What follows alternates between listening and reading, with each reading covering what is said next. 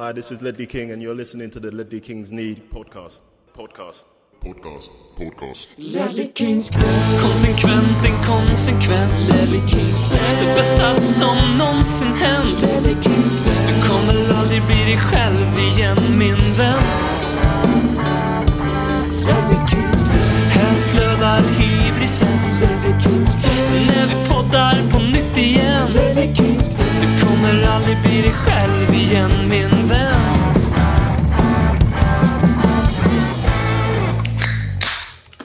Du lyssnar på den enda svenska podcasten som följer Tottenhams transferfönster.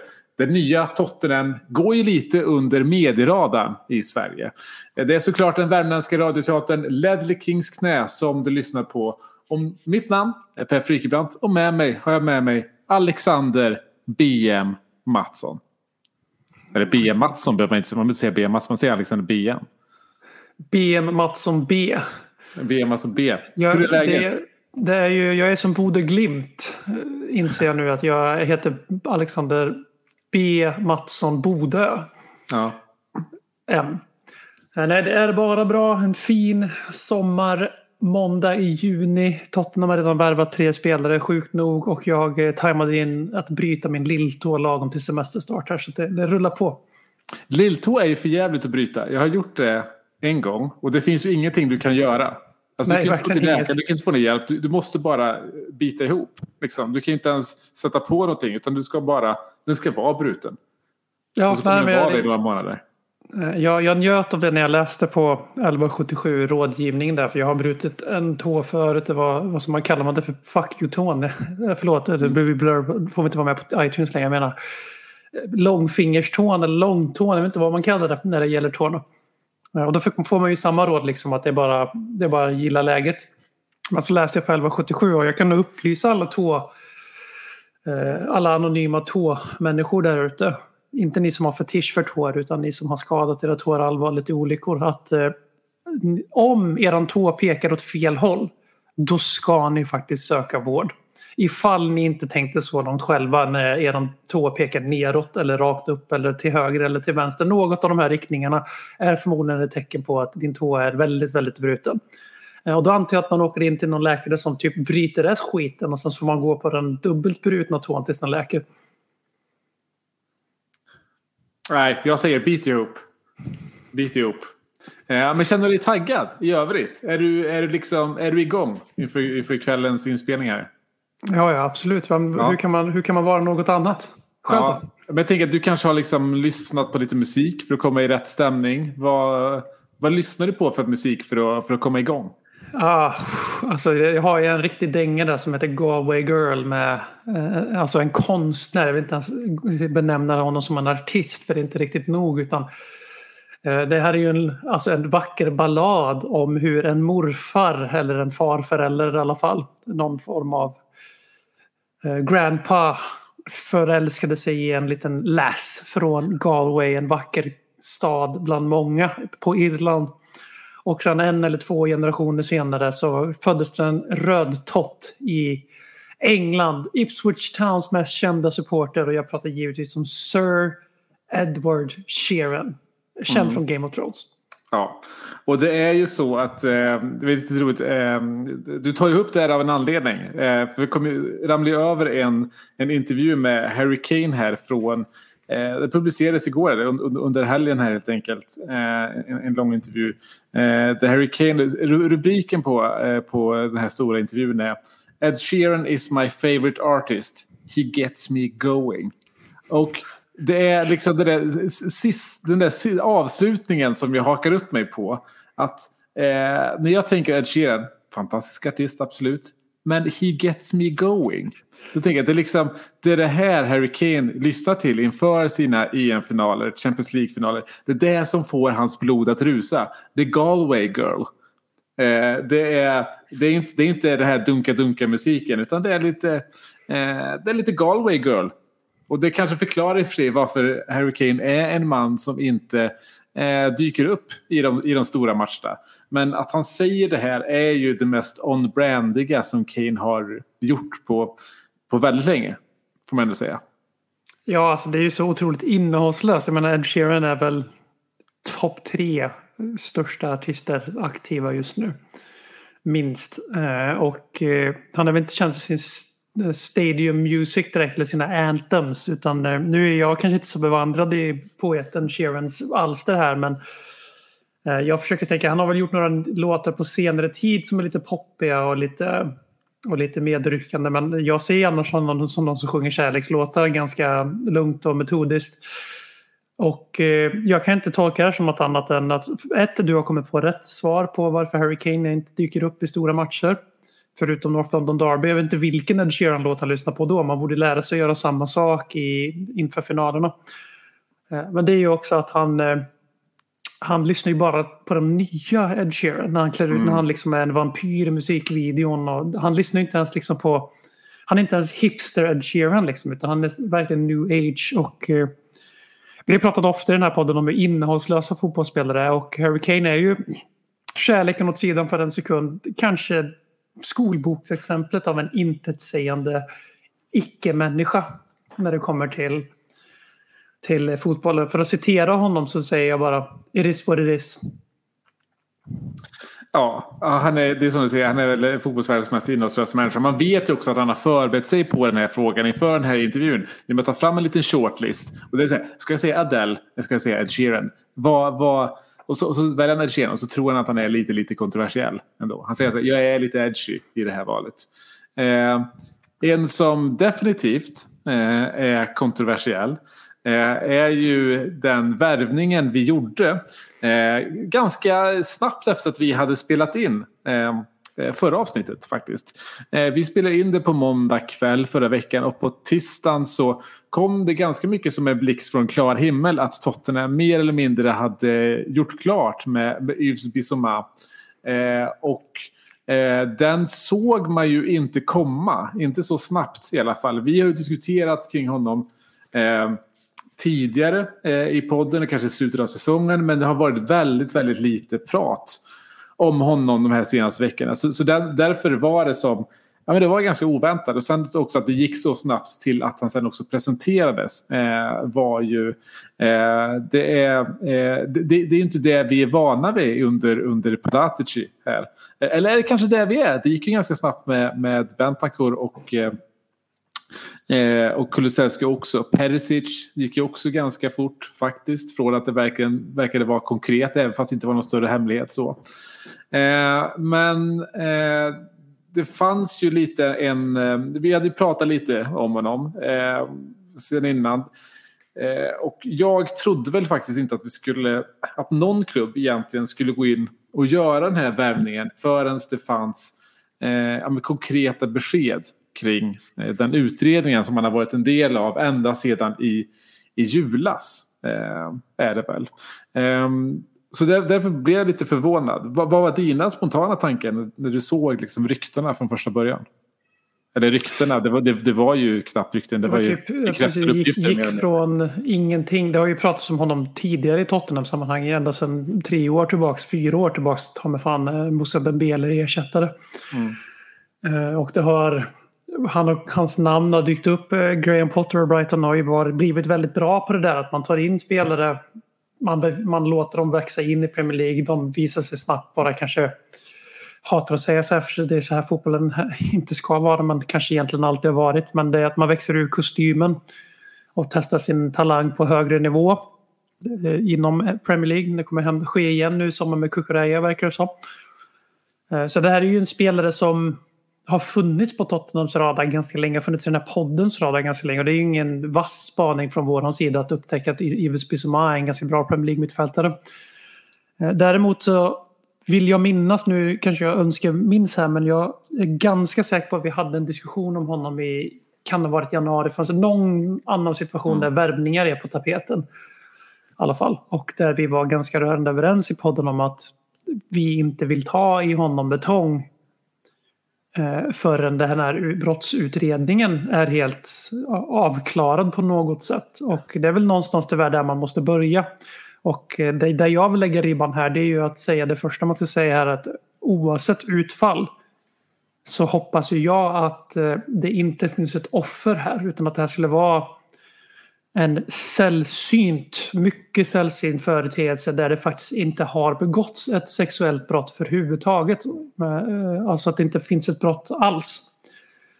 För även om det nu skulle visa sig att Ybs och eh, i första främst där som han är Tottenham-spelare nu frias eller avskrivs helt och hållet från utredningen.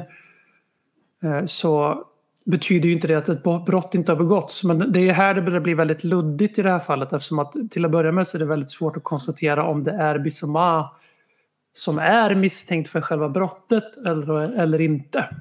Precis. Vi kan ju gå in lite bara på liksom statusen och exakt vad som har hänt. För han blev, det var ju en... Eh, eh, på, på, på, en, på en nattklubb i, i Brighton eh, var det väl under, under julen och, och därefter som han blev eh, intagen på, eh, på förhör. Jag vet inte om, om, om gripen är den liksom, korrekta termen där. Ni får ha överseende eh, för att det inte är Vi är inte varken, varken polis eller, eller, eller försvarsadvokat. Men blev därefter ganska snabbt släppt mot, mot borgen. Eh, den här eh, borgen eh, eh, sköts sen fram. Eh, två gånger till och med. Eh, och vid det senaste tillfället eh, för ungefär en månad sedan så eh, fanns det inte längre någon, någon borgen mot eh, eh Bissoma. Men mot en annan person, en 40-åring som, som har eh, väl fokuset i utredningen har väl riktats mot den personen eh, istället. Eh, och eh, ska också säga det att under den här perioden så Eh, det, det har ju under den här säsongen varit ganska många liksom, uppmärksammade fall kring eh, att spelare har dragits in i olika utredningar. Och i nästan varje fall eh, eh så har de här spelarna inte fått spela vidare av sina egna klubbar. Här sticker ju det här Eh, fallet ut. För så har det inte varit i fallet Bissouma. Det har ju inte varit, eh, han har inte varit borta från Brighton, eh, Brightons lag överhuvudtaget.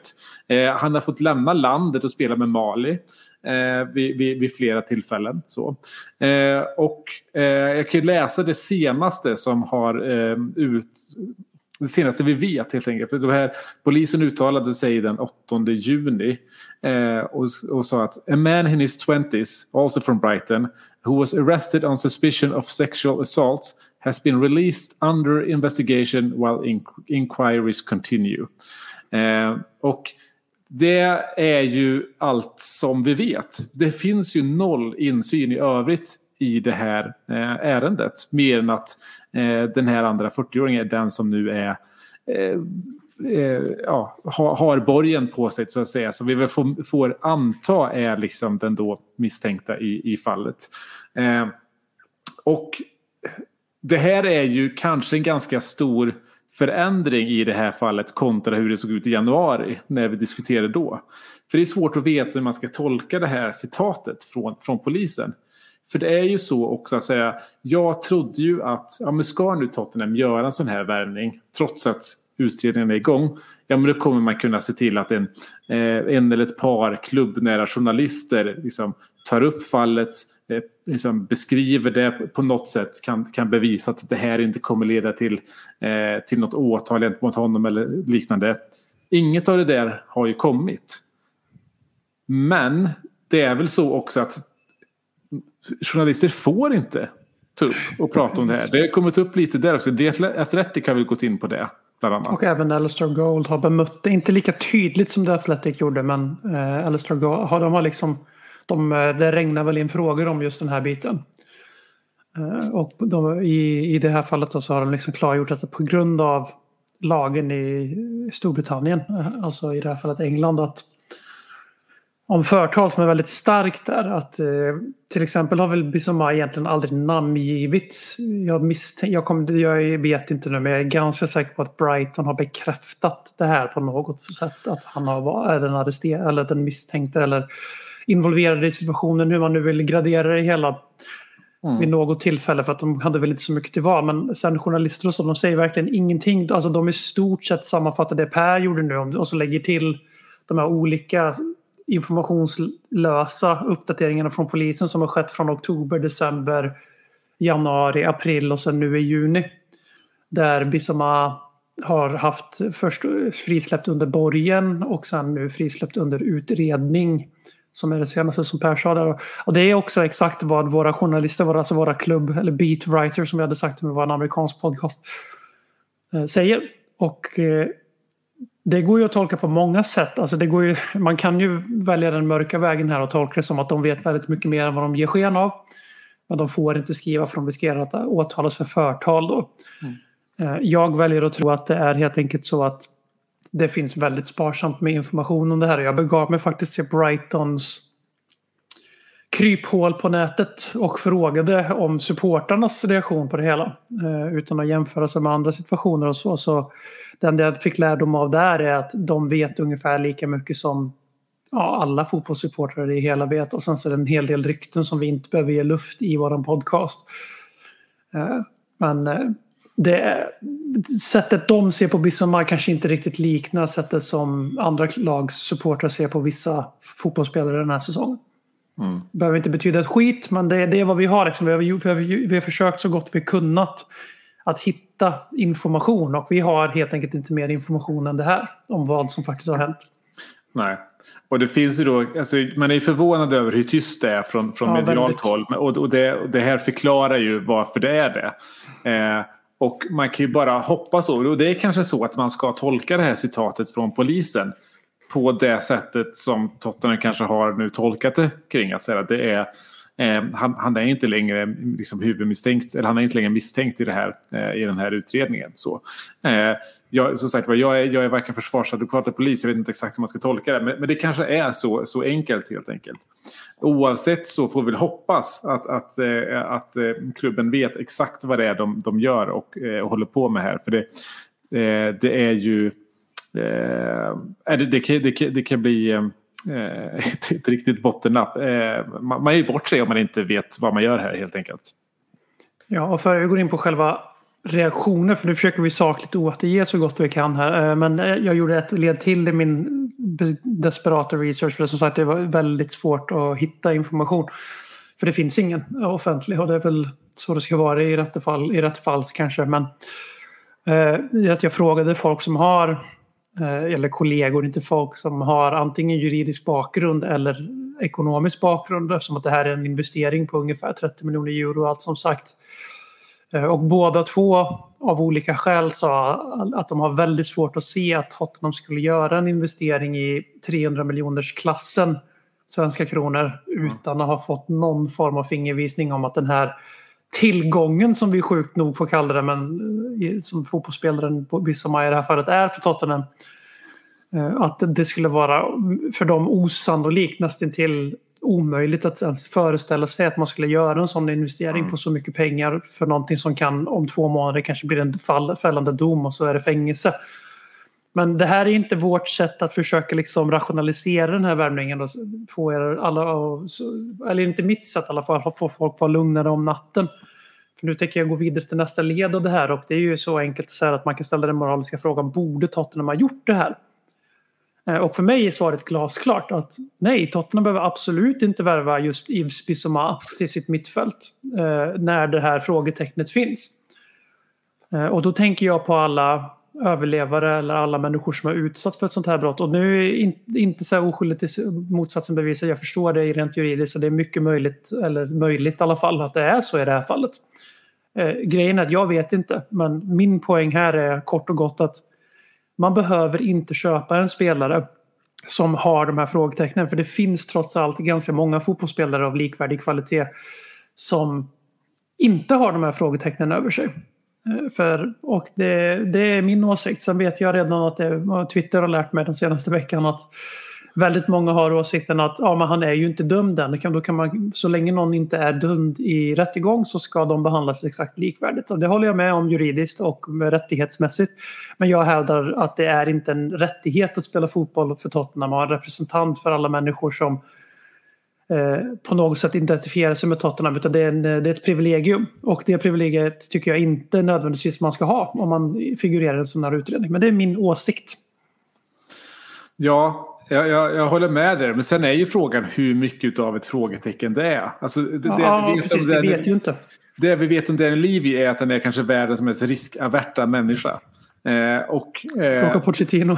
Exakt. Och, och eh, också sett hur, eh, eh, spelare som har varit under utredning, eh, andra Premier League-spelare, hur det har hanterats är ju vitt skilt mot, mot det här. Så. Mm. så det kan ju faktiskt vara så att det inte, eh, det inte, man inte känner att det finns några större eh, frågetecken längre eh, i den här utredningen heller. Men som sagt var, vi kan, vi kan ändå inte säga med säkerhet det. Vi, och det är därför som det känns eh, lite olustigt. Men, men, förhoppningsvis så har ju klubben är ju, är ju klubben på det klara med att det inte finns några frågetecken här. Och vi får bara hoppas att det inte är som i jag tror det var i fallet med Adam Johnson. Nu är det ett helt annat brott. Liksom. Men det var väl lite roligt. Han fick ju fortsätta spela för att klubben frågade honom. Så, ah, men hur är det? Kommer du, kommer du bli dömd här eller inte? Hur kommer det gå med det här? Bara, nej, nej. Jag är oskyldig. Det är, lugnt. det är lugnt. Jag är oskyldig vet ni. Det är bara att fortsätta spela mig. Ja, och så gick det som det gick där. Eh, jag tror att det finns en liten annan due diligence eh, i det här fallet. Ja, och man kan ju lägga till det också att eh, det är ju självklart så att människor är oskyldiga tills motsatsen bevisas. det är så rättegångssystemet fungerar och allt det här. Och eh, man behöver inte förkasta eller fördöma en människa i den här cancelkulturen som finns också i dagens värld och så. Men det jag förväntar mig från Tottenham är, för de är ju självklart inte bara, de är inte helt, helt verklighetsfrånvända våran kära klubb här, framförallt inte efter Super League-debaclet. Så vet de ju om att många Tottenham-supportrar har en klump i magen över den här värvningen eller kanske till och med ännu, känner ännu starkare än så. Det gjorde väl jag kanske i tisdags. Men de har börjat rationalisera det för att det är så man gör. Man, försöker man är känslomässigt investerad i någonting och vi pratar ofta om det i den här podden. Vad, hur mycket politik eller hur mycket patos och etos och alla de här grejerna ska få styra eh, ett supporterskap. Och alla är olika där. Man måste få vara olika i sitt supporterskap. Men det man måste komma ihåg här är att klubben får ju självklart inte heller bemöta någonting här. De faller ju under samma regler och föreställelser som Ja, som precis, tidningarna. Precis, ja, jag tänkte precis gå in på det. Alltså, i, I min liksom, karriärsbana så är jag ställt inför den här typen av, av eh, liksom dilemman flera gånger där man av liksom, sekretesskäl vet exakt vad som har hänt i en, i, en, i en fråga. Kan det vara ett personalärende eller liknande men man får absolut inte säga någonting även fast man vill. Eh, om man vill. Eh, och så är, är det någon jag inte är avundsjuk på just nu så är det Tottenhams kommunikatörer. Eh, där, de har förmodligen, de vet förmodligen lite mer än vad vi vet. Eh, och vet, har fullt på det klara med liksom hur, hur, eh, hur, hur, klimatet och känslan är där ute. Men, men, har sina händer bakbundna helt enkelt. Vi får ju se när det, blir klart, eller när det blir klart. Men när det här rättsärendet är över så kanske vi får se eh, någon form av kommuniké om just varför. Exakt. Jag skulle bli förvånad nu men det finns ganska starka supportrörelser som representerar minoritetsgrupper av olika fall. Det behöver inte vara bara etnisk minoritet utan det kan vara all form av eh, minoriteter, grunder som alltså normavvikande grupperingar bland Tottenham-supportrar som eh, kräver att klubben ska bemöta det här på något sätt. Vi får väl se, men det kan vara viktigt att veta att vi kan inte förvänta oss, och det kan vi kanske rent logiskt inte göra, eftersom klubben har ju köpt den här spelaren och det hade de ju inte gjort om man tyckte att det här var någonting, alltså det fanns någonting moraliskt förkastligt i det här. Att det är en brottsling man har värvat, som man medvetet har gjort liksom. Eh, det har jag svårt att tro, men att just det här att de får helt enkelt inte gå ut nu och säga but this is what we know about Bizomas case and why we still signed them. Det, det, det går liksom inte att göra just nu.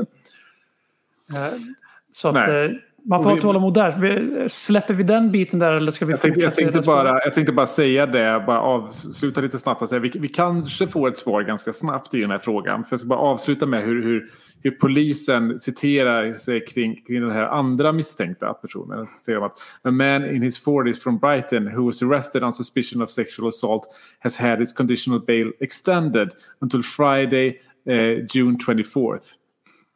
Eh, så att på fredag Eh, så, så är den andra misstänkta personen, kom, eh, som den personens eh, conditional bail går ut. Så det är möjligt att det kommer ett, ett svar eh, och ett besked där. Eh, men ja, eh, låt oss gå in kanske lite mer på den sportsliga aspekten av den här värvningen. Och då kan vi ju vara eh, lite, prata i kanske lite mera positiva termer. det här får väl jag säga ur ett sportsligt perspektiv är ju den spelare och den värvningen som har stått högst upp på min önskelista till Tottenham under ett par år helt enkelt. Han har ju, jag har ju sett honom som den här försenade, du var inne på det, men ersättaren till inte bara Dembele utan Wanyama och Dembele. I, I mig är han ganska mycket prime Wanyama. Jag vet att många har jämfört honom med Dembele och jag ser de tendenserna också. Han är inte samma typ av progressiva spelare men däremot, alltså, jag ser honom som prime, prime Wanyama och därför ser jag det här lite som en ja, men en era-definierande värvning. Att ha den där trygga bollvinnaren på mitten som alla stora lag har. Det har ju, även om Höjby har gjort saker och ting mycket bra i Tottenham så är han inte riktigt den personen. Han är inte den där era-definierande spelaren. Det tror jag verkligen att Bissoma kan vara på samma sätt som Vadiamo och Dembele var tillsammans. Och jag ser ganska många likheter i den här värvningen som Conte gör nu sin första sommar, som han gjorde sin första sommar i Chelsea när han tog in Kanté. Eh, inget, alltså, gärna göra jämförelserna där. För det, för det ser jag, jag ser det lite, jag, jag ser Bissoma nu som vår Kanté lite grann så. Ja, det är ju helt, alltså, utan tvekan den bästa värvningen vi har gjort det här, det här fönstret. Det går inte ens liksom att diskutera. Inget, inget illa mot Fraser Forster. är han bättre än Fabio Vera? Leon. Perisic. Ja, den där portugisiska Wonder Kid som många köpt på FM. Eh, jag vet inte. Jag kan bara säga att min scout i Tottenham sa att Bissoma var en A plus-värvning och Vera var en A minus. Så det, det får tala för sig själv. Nej, men, det här är ju en Premier League-proven spelare i sin bästa ålder som är riktigt, riktigt bra. Och in, han hade inte spelat kvar i Brighton om det inte var för det här Alltså, men alltså det här ärendet, eller brottsmisstanken tror jag. Och nu är det ju så att det sägs också att han tvingades eller hölls kvar förra sommaren. Inte mot sin vilja men med förklaringen att du är för viktig för oss. Vi vill ha dig. Vi kommer däremot vi kommer sälja dig nästa sommar. Nu är det ett år kvar på kontraktet. Eh, för att vi, de gör fortfarande en redig vinst på honom för det som Brighton opererar. Eh, och eh, det här är ju, en, vi köper honom för 30 miljoner euro men det här är ju en 50 miljoners euro-värvning minst. Ja, minst, ja, Eh, minst. Och eh, det är, det är, alltså sportsligt är det svårt att inte bli exalterad. Jag gillar en liknelse där att han har både lite Wanyama och lite Dembele i sig. Han spelar ju ofta ganska lågt eh, i banan. Han, och det är där den Dembele-liknelserna kommer, alltså med den här pressresistenta första bollinnehavare från backlinjen. Och man ser Contes idéer börja formas här. Vi har Romero som är betydligt bättre än medelsnittet med progressivt passningsspel och bolltransport för att vara mittback. Vi ser Ben Davis med samma sak på vänsterkanten och Dyer. Dyer överlag har en väldigt bra fot för att vara mittback. Han spelade ju flera år som central mittfältare så vi har ju säkert någonting med det att göra.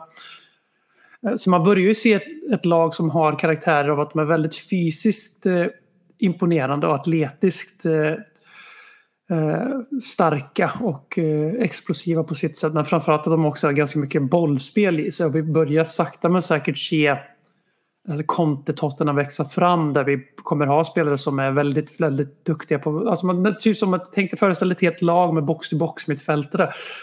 Eh, Att de har, de har fötterna för att vårda boll och hålla bollen inom laget. Man har också lungorna och löpkapaciteten för att göra väldigt mycket mer än så. Eh, Och det här är ju... eh, Sportsligt är det ju minst 4 plus på förhand. Det är ju ganska Ja, snålt alltså, kanske. Sett till vad vi ger versus vad vi får så eh, tror jag att man redan kan börja diskutera om det här är liksom fönstrets värvning. Alltså, Ja, vi, vi, vi snackar om någon som kostar lika mycket som Brian Hill minus Lamela. Alltså, vi snackar om någon som kostar lika mycket som eh, ja, Palinja som är några år äldre och aldrig spelat utanför Portugal ryktas gå till West Ham eller vad det var nu senast. Jag kommer inte ihåg. Han som vi tittar lite på i januari från Sporting.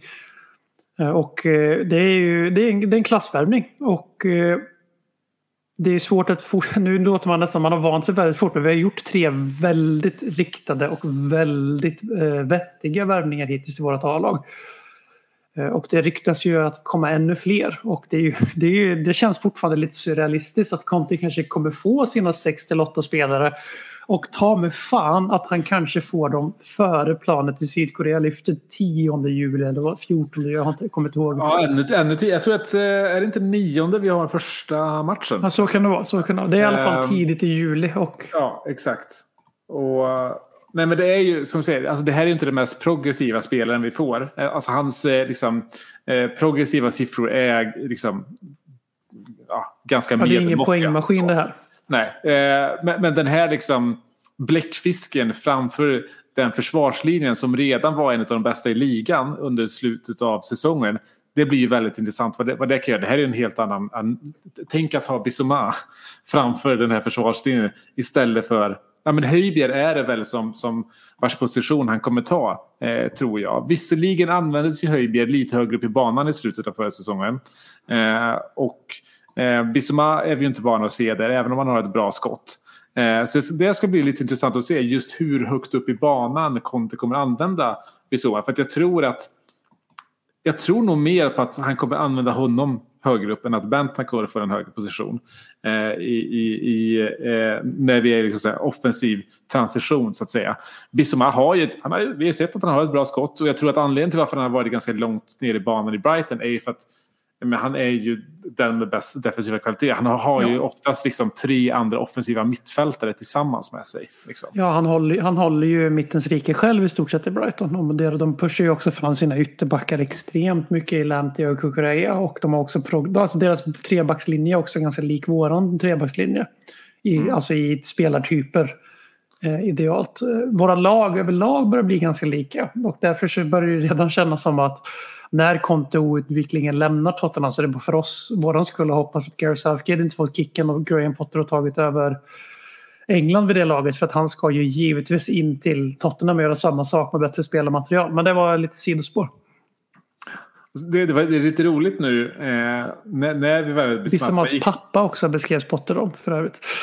Vad sa du har beskrivit Potter som en pappa för honom.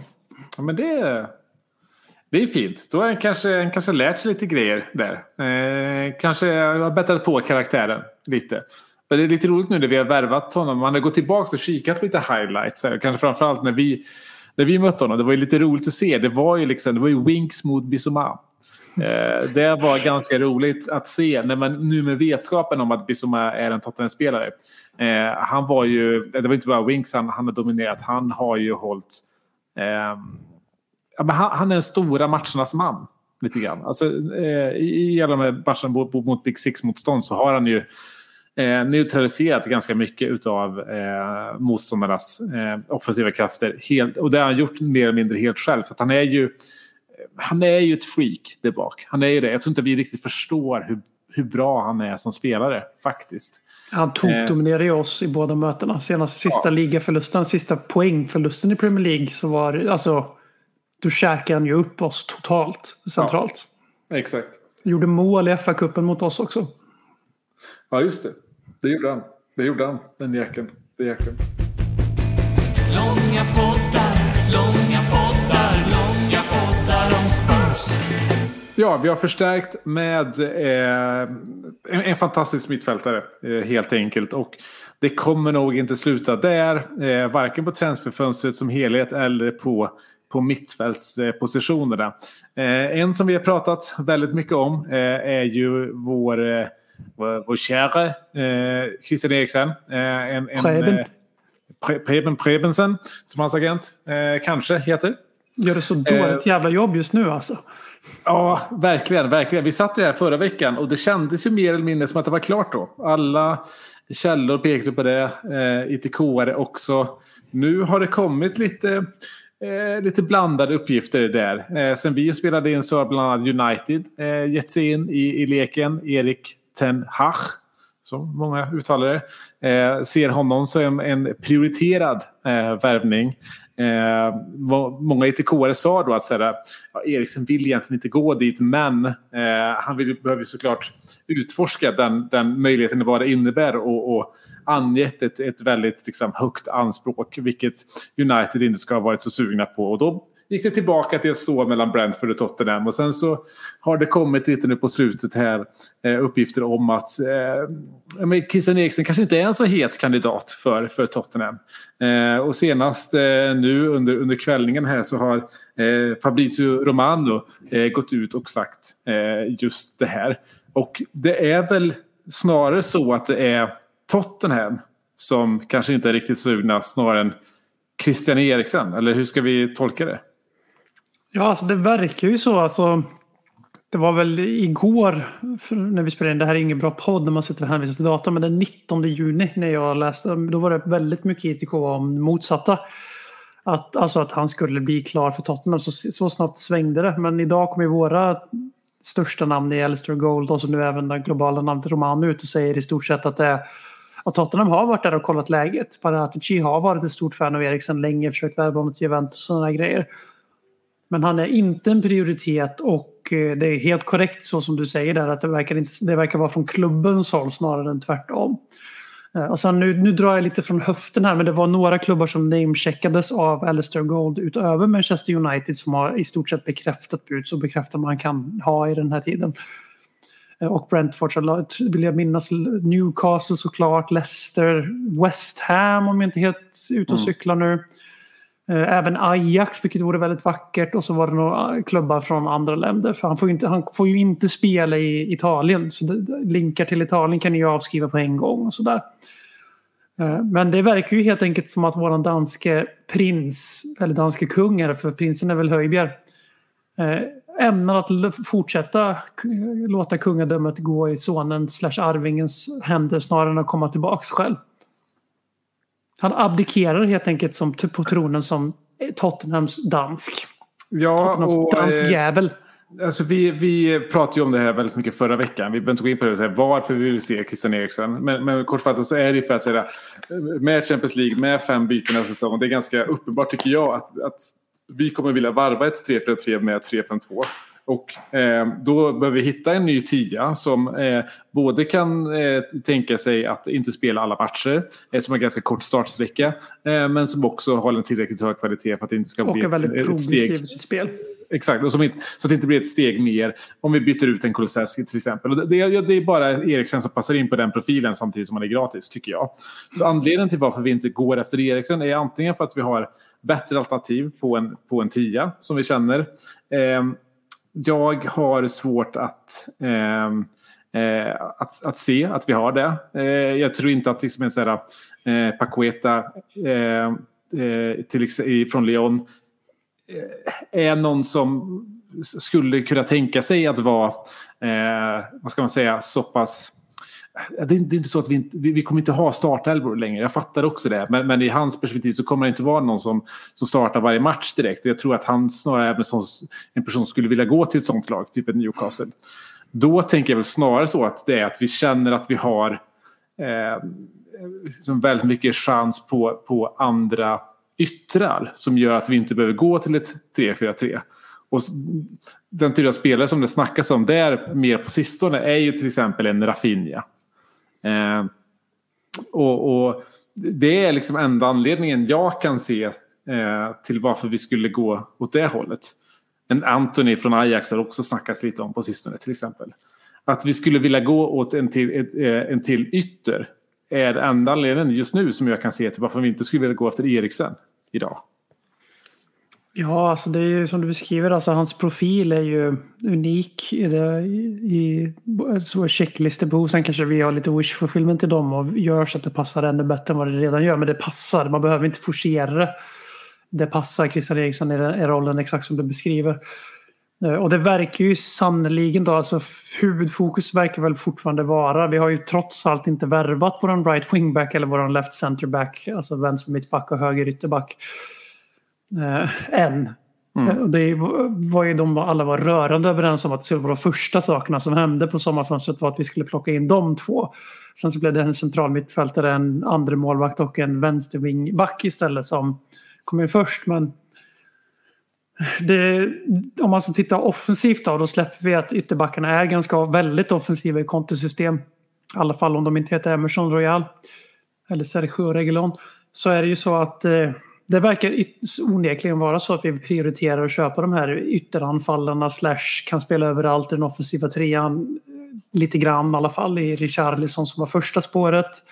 Där eh, Evertons eh, Athletic-journalister eller beatwriters var väldigt, klubbreportrar kan vi börja kalla dem, var väldigt inne på det att det är Tottenham som är hetast på honom. Men de har inte lagt ett officiellt bud. Det här läste jag idag men det kan ha varit skrivet igår, alltså 19 juni. Eh, det sägs nu igen att vi är på Rafinha precis som Arsenal och Chelsea. Det pratas om Anthony som till och med jag läst att det är eventuellt möjligt till och med en del av överenskommelsen för Bergwijn till Ajax. Och där har jag svårt som FN-skadad, väldigt svårt att se hur vi inte skulle byta av handen på Ajax om vi på något sätt kunde få Anthony för besväret och en betydligt reducerad övergångssumma. För nu, där snackar vi uppgradering spelare mot spelare. Eh, Men, Men jag, jag håller med. Lite Brian Hill-varning.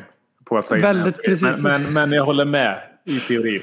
det gick sådär förra gången vi försökte oss på något sånt där. Men eh, man blir lite exalterad. Men du är något på spåren där. Jag vet inte, jag kan inte, vet inte om det är för att vi kanske befäster våran 3-4-3.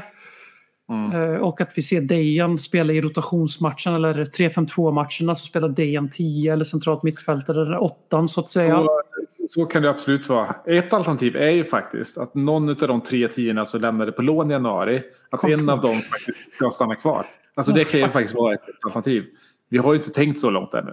Men det, Nej, det är inte omöjligt. Det är ju faktiskt bara en av dem som det hörs någonting för överhuvudtaget om. Det är ju givetvis den bättre spelaren av de tre i Giovanni Lo Celso som har en hel del intresse från spanska topplag. Exakt. Eh, ta Det- en Dombele-klanen där ute. Ja, Men tänk om det är så att eh, Conte och Ndobele, de har, de har nu eh, summerat säsongen och snackat ihop sig lite och Ndobele, han är redo att satsa. Han vill, han vill ge allt. Tänk om det skulle vara så. Jag Du ska menar, flippfloppa på en kvart och säga Lo Celso var alltid problemet. än Dombele. För Exakt. det, den killen har så mycket talang i sig. Men Ja. Alltså jag tror att du är nog inte helt snett på det. För alltså, det är klart, alltså, vi har alla spelat Fifa eller FM genom våra liv. Och det är ju ganska mycket enklare på de spelen än vad det är i verkligheten. Att ro ihop sådana här stora revolutionsfönster. För det verkar ju faktiskt som att vi försöker göra Pochettinos rebuild på två fönster nu i januari och juni. Eh, vilket jag inte trodde skulle vara möjligt. Men om vi kommer att ha värvat åtta spelare minst. Vi säger tio, mellan åtta till tio spelare inklusive Bentancourt och Kulusevski på två fönster slash ett halvår. Då är det svårt att säga att vi inte har gjort den revolutionen. För att det är ganska mycket spelare. In, framförallt när alla är tilltänkta att faktiskt bidra till A-laget och inte Brian Hill eller pappa Mattes arvvärvningar. Liksom. Eh, att eh, det är inte alltid så lätt att bli av med tillräckligt mycket spelare för att ha en sån revolution, revolutionerande infönster. För att det är ju så att alla vet ju om att våran trupp blir ganska tjock snart och ganska dyr i lönedrift och ganska många spelare som sitter på väldigt saftiga Premier League-kontrakt som inte har något intresse av att gå till vilken klubb som helst. Och då tänkte jag så här att, som du sa, tog upp här nu, att det är inte helt otänkbart att Tenga Ndombele upp, upptäcker sig i den situationen här om ett par veckor. Att fan, det är inte särskilt mycket intresse för mig. Eh, Conte har varit väldigt tydlig med vad som krävs och inte, vad jag inte gör för att få spela. Och jag har ju ett alternativ nu att sitta av mina tre, fyra år kvar på kontraktet och sen packa ihop min fotbollsverksamhet efter att ha spelat i U23 i, så länge jag kunde. Eller att tysta tvivlarna. Det funkade ju faktiskt med Mourinho en gång. Det kan funka igen. Eh, Och eh, vi kan väl ha det som ett litet alternativ, ett litet wildcard här. Att tian eller den väldigt offensivt viktade åttan i 3-5-2. eh, Det kanske inte blir Dejan Kulusevski plus nu utan det kanske blir Dejan Kulusevski och eller Tanguy Ndombele. det, det, fin, alltså det hade ju varit fint ändå. Om man vänder Ja. på den här steken. Han är ju väldigt bra på fotboll. Alltså, om José Ja. Mourinho kan få honom att dansa i ett par månader då kan fan Antonio Conte få honom att dansa en hel säsong. Ja, alltså om, om Conte vem, alltså, konverterar en Dombele, då är, då är han ju världens bästa tränare genom alla tider. Alltså det, Ja, ja, då seglar han upp över den där tysken. alla titlar. Bald fraud. ja, vi, vi, hopp, vi, vi får hoppas på det helt enkelt. Annars, jag blev väldigt förvånad över de här United-kopplingarna till, till Eriksen. Och att Erik Ten Hag tydligen då skulle ha sett Frankie de Jong, eller Frank, Frankie de Jong, Frankie de Jong och Eriksen som liksom två ja, men verkligen nyckelvärvningar till hans, ja, men till hans rebuild helt enkelt. Jag Det ser framför mig ett mittfält där ett 4-3-3 antar vi då eller? Eh, Ja, exakt. Och då tänker jag så här, om han Bruno tror att han-. Ja, om han tror att han kan ställa upp med de Jong, Eriksen, Fernandes i Premier League. men då- han, han är delusional. Alltså då han inte, för det, det påminner ju ganska mycket om hur han gjorde i Ajax. Jag tänker så här, Ja, men det, här, är- det, där, men det är Tim Sherwood med Chadli och Eriksson centralt mittfältnivåer av delusion vi Ja. pratar här. Ja, alltså, alltså, jag, är, jag, alltså jag, jag tycker att det här... Alltså det, det är ändå det, det är kraftiga varningstecken på Ten Hag. Redan Ja, nu. alltså Sen det är ju- vet man inte hur sant det här är, men, men kraftiga varningstecken. Det är ju väldigt mycket total fotboll över det och bra koppling till Ajax. Alltså du har ju extremt rätt på det också. Men det är också ett extremt Fifa-kompatibelt lagbygge där man själv står för spelarnas defensiva förmåga. För det är tre klassspelare i, sina respektiva egenrätter här men tillsammans på ett mittfält i Premier League. Kan du, kan du tänka dig när Liverpools maskin går upp mot det mittfältet? ja, nej, alltså jag... Eh, eh, jag, är verkligen, jag, alltså jag börjar bli tveksam på United verkligen kommer ta ett kliv framåt den här säsongen. Eh, för, för jag tycker, och det märker man också med, med, med, eh, med liksom silly-snacket kring, kring United, att det här är verkligen första säsongen som de får lida av liksom det kaoset. Alltså det, det är första säsongen där de får erfara att de är inte längre är en attraktiv destination för spelare. För jag menar förra, förra sommaren, ja, men då, de fick Sancho, de fick Varane, de fick Ronaldo. De var ju fortfarande en attraktiv klubb. Men allting som har hänt under det här senaste året. Nu märker man hur mycket det har skadat United. Och jag trodde inte att det skulle skada så här mycket. Jag trodde att ja, men det här transferfönstret, det blev ju som tidigare. Liksom, de kan ta vilka de vill ändå. Liksom, sen misslyckas de med dem med det. Men nu, nu känns det som att det verkligen har, eh, ja, men det har, det har gett konsekvenser helt enkelt. Och sen så det här som hände med Richard Arnold, eh, deras vd som gick på Eh, gick på en träff med, med missnöjda supportrar för att tala klarspråk. Eh, han pratar liksom eh, eh, väldigt ärligt och han ska ha all cred för, för, för så som han gjorde tycker jag. Eh, ja. prata, prata ärligt om hur liksom illa klubben har, har, har skötts och hur illa värvningen varit. Och så var det ju de här supportrarna spelade in det i smyg och, och, och, och la upp sådär. Eh, så det, det är inte en klubb som mår väldigt dåligt. Jag tror att man har tagit väldigt mycket för givet att de ska studsa tillbaka nu. Jag tycker snarare börjar luta åt att de kanske fortsätter ner. Ja men det är lite så. Alltså, de har ju, det är en fördröjd effekt. Det har ju varit eh, egentligen om vi ska vara ärliga en nedåtgående spiral i nio år nu. Eh, sen eh, Ferguson slutade med lite dödsryckningar här och där, här och var. Eh, och de har ju förut klarat sig att kunna attrahera väldigt stora namn på grund av en väldigt välförtjänt sparkapital, historiskt sparkapital. Men nu för de har, om inte annat kunde de ju kompensera för sina sportsliga brister de senaste åren genom att köpa spelare väldigt dyrt. Och det är en av sakerna att den här verkar ha upptäckt. Jag har läst lite i, eh, om United där att han är lite förvånad över hur, hur lite attraktionskraft United har. Att det har överraskat honom lite grann. Mm. Och att ledningen själva börjar känna så här, vi kan inte fortsätta att bara hälla pengar på, vi kan inte betala 85 miljoner pund för Harry Maguire-värvningar. Vi kan inte betala 50 miljoner pund för Aron van Bissakas längre. Vi kan inte... Richard Arnold sa ju det att vi har inte pengar längre. Alltså ja, vi har pengar till värvningar men vi har inte pengar för att investera i infrastrukturen i klubben längre. Nej, men vi, kan, precis, vi, vi, kan inte, vi kan inte lägga 25 miljoner över marknadsvärde för att attrahera en Harry Maguire och gå till United istället för City. Sen att det var komiskt dåliga värvningar överlag sett till investerad krona. Eh, Maguire och Bissaka så är det ändå så här att man har, man, man har löst problemet så förut och nu verkar man inte kunna göra det längre. Sen så är jag helt övertygad om att United på ganska kort sikt kommer att studsa upp jämfört med vad de är sin absoluta senit just nu får vi anta. Men du, jag skulle inte bli jätteförvånad om de inte går upp, alltså den här, om de slutar sjua nästa säsong. Skulle, skulle du bli chockad? Nej, inte direkt. Nej. Eh, vi ska komma ihåg att det här också är inte bara är en truppfråga utan det kommer också in en tränare som vars hans största styrka är ju att han är en extrem filosof och har en extremt tydlig spelidé. Men det är också en spelidé som är ganska långt ifrån den här laissez som eh, framförallt Solskär premierade och sen den här jättekonstiga 4-2-2-2 som Ragnik implementerade mest för reasons tydligen. Eftersom att han inte var anställd där för att tydligen scouta truppen och sen lämna över till sin efterträdare de här måste bort och de här måste du bygga runt. Utan han var tydligen aktivt där för att försöka få jobbet. Eftersom han lämnade så fort han kunde när det var slut. Mm. Eh, så att ja, eh, jag avundas inte alla röda jävlar nu. Men de har ju samtidigt växt upp i en tid av guld och gröna skogar. Så de kan väl få göra en Liverpool-vända ner där och värva lite Jay Spearings och company. Och sen Exakt. kanske klättra upp igen. Ja, jag ska inte skriva av dem helt än. För jag tror att, så här, jag, tror att det kan bli väldigt spännande om de får in en Frenkie de Jong. Men jag tror att de också att de måste få in en Frenkie de Jong. Mm. Eh, det är ja, ja, jag ser symbolspelare. Det, det, eh, ja, men vi, vi, vi, släpper de där. Eh, försvaret var vi inne på lite förra veckan också. Eh, Bastoni gick vi ifrån lite då. Började kolla lite mer åt eh, Bremer. Nu kollar vi lite mindre på Bremer. Eh, för det känns ju som att det kanske är så att han var lite för nära inte för att vi skulle kunna komma dit och liksom hijacka den där affären. I alla fall har det inte hänt. Det har inte varit någon större utveckling där i alla fall. Eh, en som det har eh, ryktats lite mer om nu är ju även en Dicka eh, från, ehm, eh, från Frankfurt. Eh, som eh, alltså har man spelat lite Fifa eller har man spelat lite FM så har man ju full koll eh, på även en Dicke. Eh, varje gång jag skickar ut mina scouter för att hitta starka eh, och eh, nicksäkra försvarare så får jag alltid rådet om även en Dicka.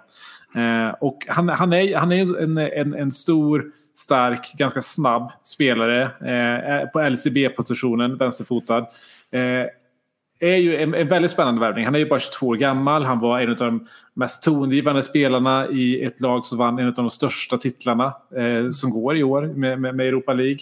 Eh, en, en, en genombrottsspelare från LCB-positioner i det att i, i och med hans snabbhet, han är väldigt progressiv. Det är för att han själv tar bollen upp. Han är ju motsatsen till Bastoni skulle man kunna säga. Bastoni är ju tvärtom. Han är, liksom, han är den passningssäkra spelaren som spelar. Evan Ndicka är inte jättebra med boll. Han är, han är inte jättebra på att distribuera bollen med, med, med sina passningar.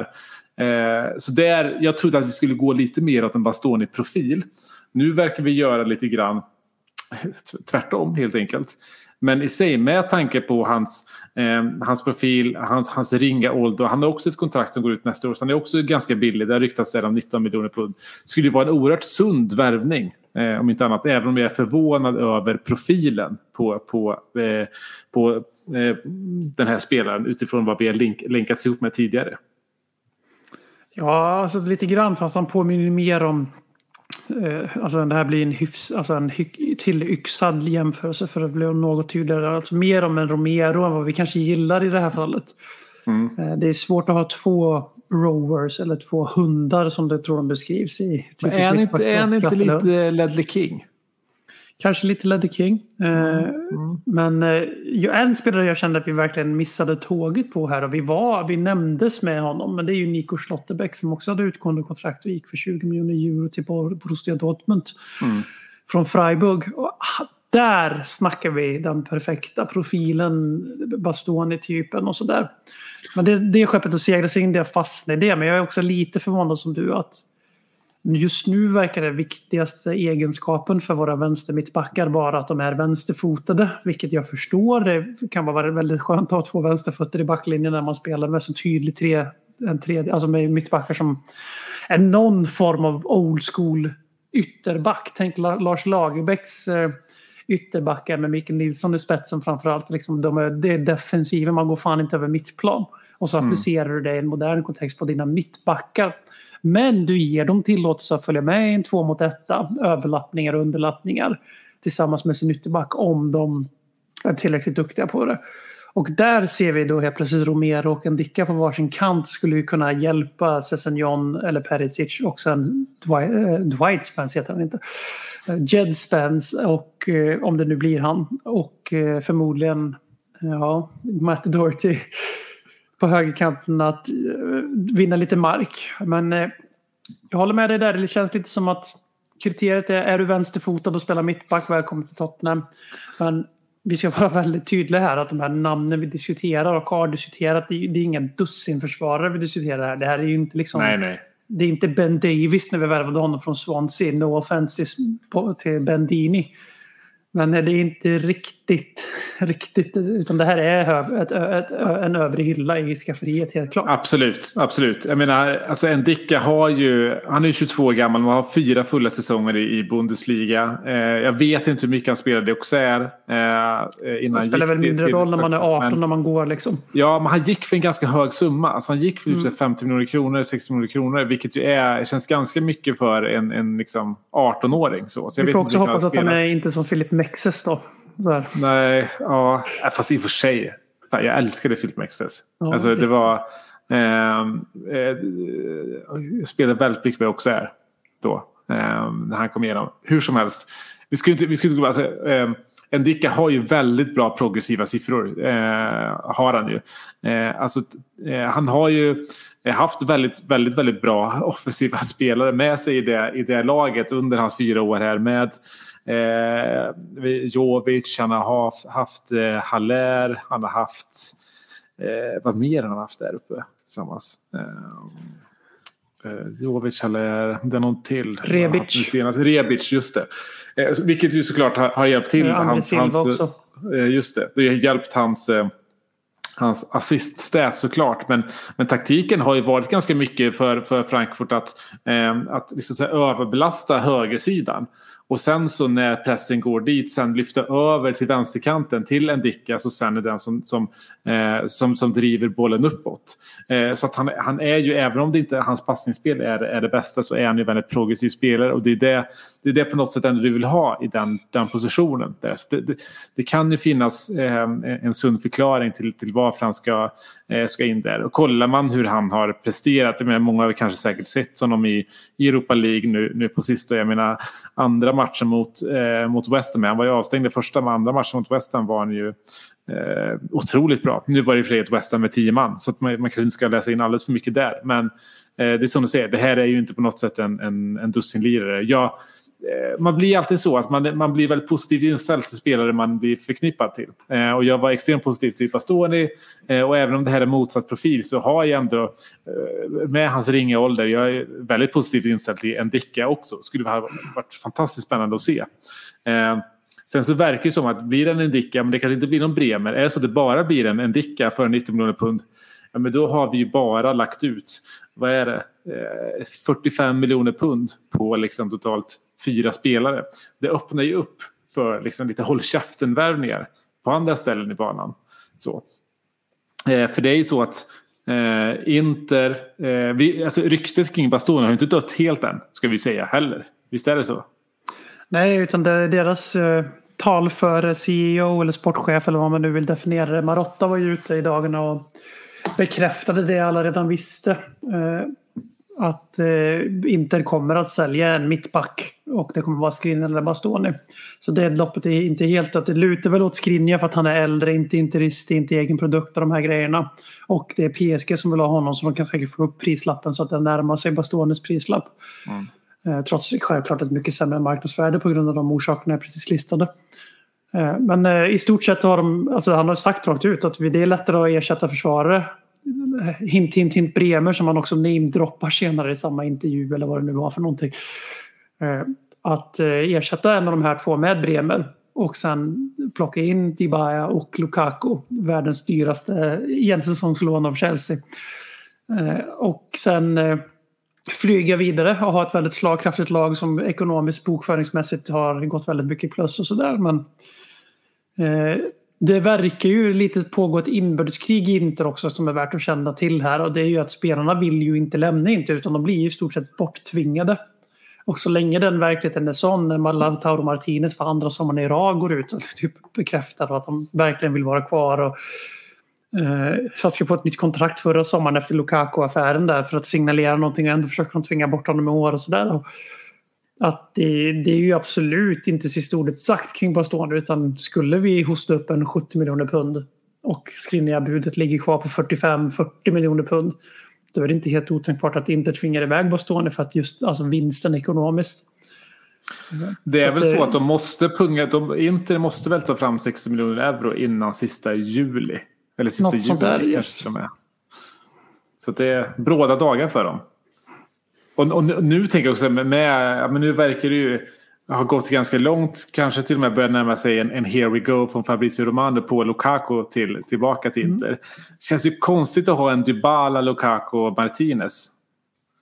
Tycker jag spontant. Eh, när du har konstigt, ekonomiska ja. svårigheter.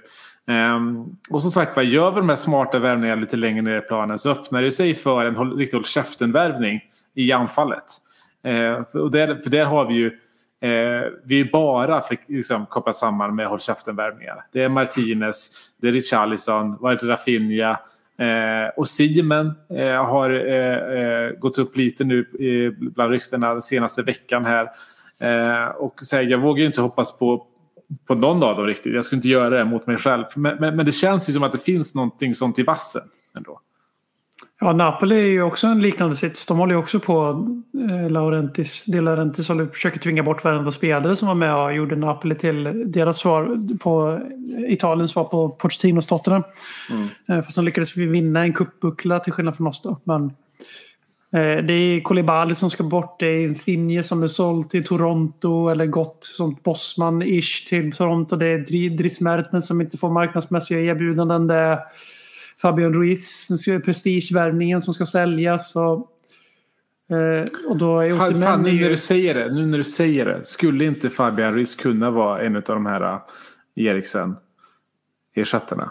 Alltså, det, det känns det, ju ganska rimligt.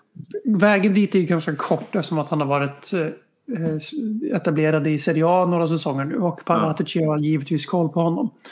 Nej, men det är just det här att det här kan absolut öppna dörrar för oss män för att han det är en väldigt stor, väldigt, väldigt stor investering med Napoli mått mätt. Klubbrekord med råge. Där, eh, ja, det, det sker en liten utredning där just nu. Mm.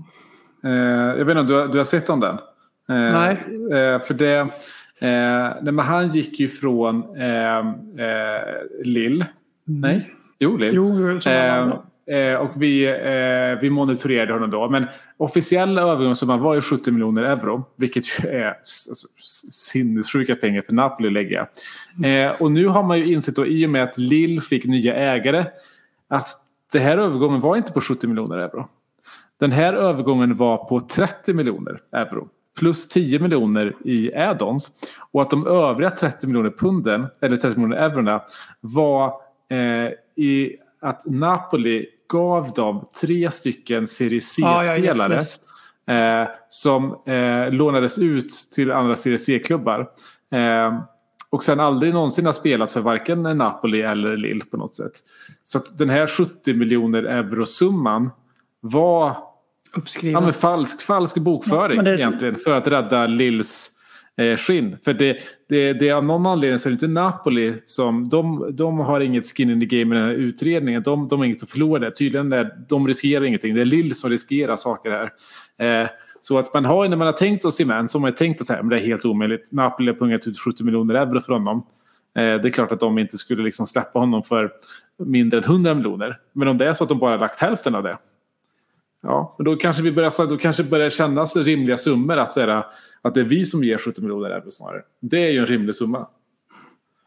Ja, och det här är ju samma utredning som Paratici och Juventus figurerar i nu. redogör för den här, med de här uppskrivna transfervärdena av konstiga spelare som ofta är Primavera-spelare eller Cantanera-spelare som skrivs med i affären till ett väldigt uppskruvat värde för att ja, för bokföringsfiffel helt enkelt. Men där Paratici som jag förstår är väl i stort sett avskriven helt och hållet. Men det är ju, där kan vi snacka en håll käften-värvning om vi plockar in honom som bänkvärmare åt Harry Kane. Mm. Alternativt en 3-5-2 där han får en hel del speltid istället för Son skulle han är väl mer lik Son än Kane i sin spelstil. Men eh, det är definitivt exempel på en sån här håll käften-värvning. Jag personligen hoppas, hoppas att någon av våra håll käften-värvningar, för jag tror också som du att vi kommer att göra minst en sån. Bissoma är ju det egentligen. Det är bara på grund ja. av de här mörka juridiska målen över honom samt eh, den låga transfersumman. För det är ju så i den sjukt, sjukt inflaterade fotbollsekonomi i världen så är ju 25 miljoner pund eller 30 miljoner euro det är ju inte spännande så det blir ju inte en håll värvning fast mm. egentligen är det de värvningarna som egentligen är bäst. Eh, men det, jag hoppas att det blir en Richarlison eh, mm. från Everton eller en Rafinha från Leeds. Men jag är, eller för all del Gabriel Jesus från Manchester City då. Eh, men jag vill ju bara ha någon från det Premier League-lag av lite högre hylla men lite större rykte. Nu vet jag om att Everton var ett, en kvart ifrån att åka ur Premier League sammanlagt i speltid. Typ. Men det är ändå en sak. För några år sedan så var Everton var de utmanade Big Six och då var det ju Tottenhams tröja i Big Six som var under hot. Och så fortsätter ju folk säga att det är trots att vi konsekvent slutar före Arsenal exempelvis. Och sådär. Mm. Eh, så just den signalpolitiken i att plocka en sån spelare från en av våra så kallade rivaler i Premier League skulle visa hur mycket vårt varumärke, hur långt över vi är. Rent så dog eat dogs worlds status eller storkuks-aura eller vad man nu vill säga. Men eh, sen är det ju bara så att jag är jag vill ju ha Richarlison bara för att hans Twitter banter game alltså. Ja, nej men absolut. Vi gick igenom det här ganska mycket förra veckan. Men det, jag, jag har ju en crush på dem. Det kan jag ju inte komma undan. Ledsamt då när det kommer ut idag att det verkar mest, mest just nu Chelsea pole på honom. Då blir man jävligt deppig alltså. Ja, men går han dit då är han inte värd vatten för mig längre. Nej, nej, och då är, då är han tillbaka till att vara överskattad och en diver. Ja. För det är så i Ledder Kings knä, då hycklar vi och när vi hycklar så är vi öppna med att vi hycklar till skillnad från många andra. Exakt, exakt. På tal om moraliska höga hästar och sådär. Ja. Eh, oavsett vad, det händer mycket i, i Tottenham just nu. Det finns, eh, det finns skäl för fler semesterpoddar. Eh, från semesterpoddarna kan vi lugnt konstatera. Eh, ska vi nöja oss så för, för nu och återkomma inom kort igen? Eller vad säger du? Ja, så vi, så vi chansar på att eh, vi hörs redan igen om en vecka ungefär. Jag tänker vi, spikar, jag tänker vi bokar in det nu. Eh, och sen så räknar vi hem minst en håll käften-värvning till, eh, till nästa vecka. Varför inte redan imorgon när ni lyssnar på det här? Jag tycker vi säger så. Ha det gott alla, alla. Ciao tutti! Lite för mycket semesterrör där. Ciao! Konsekvent, inkonsekvent Det bästa som någonsin hänt Du kommer aldrig bli dig själv igen min vän Här flödar hybrisen när vi poddar på nytt igen. Du kommer aldrig bli dig själv igen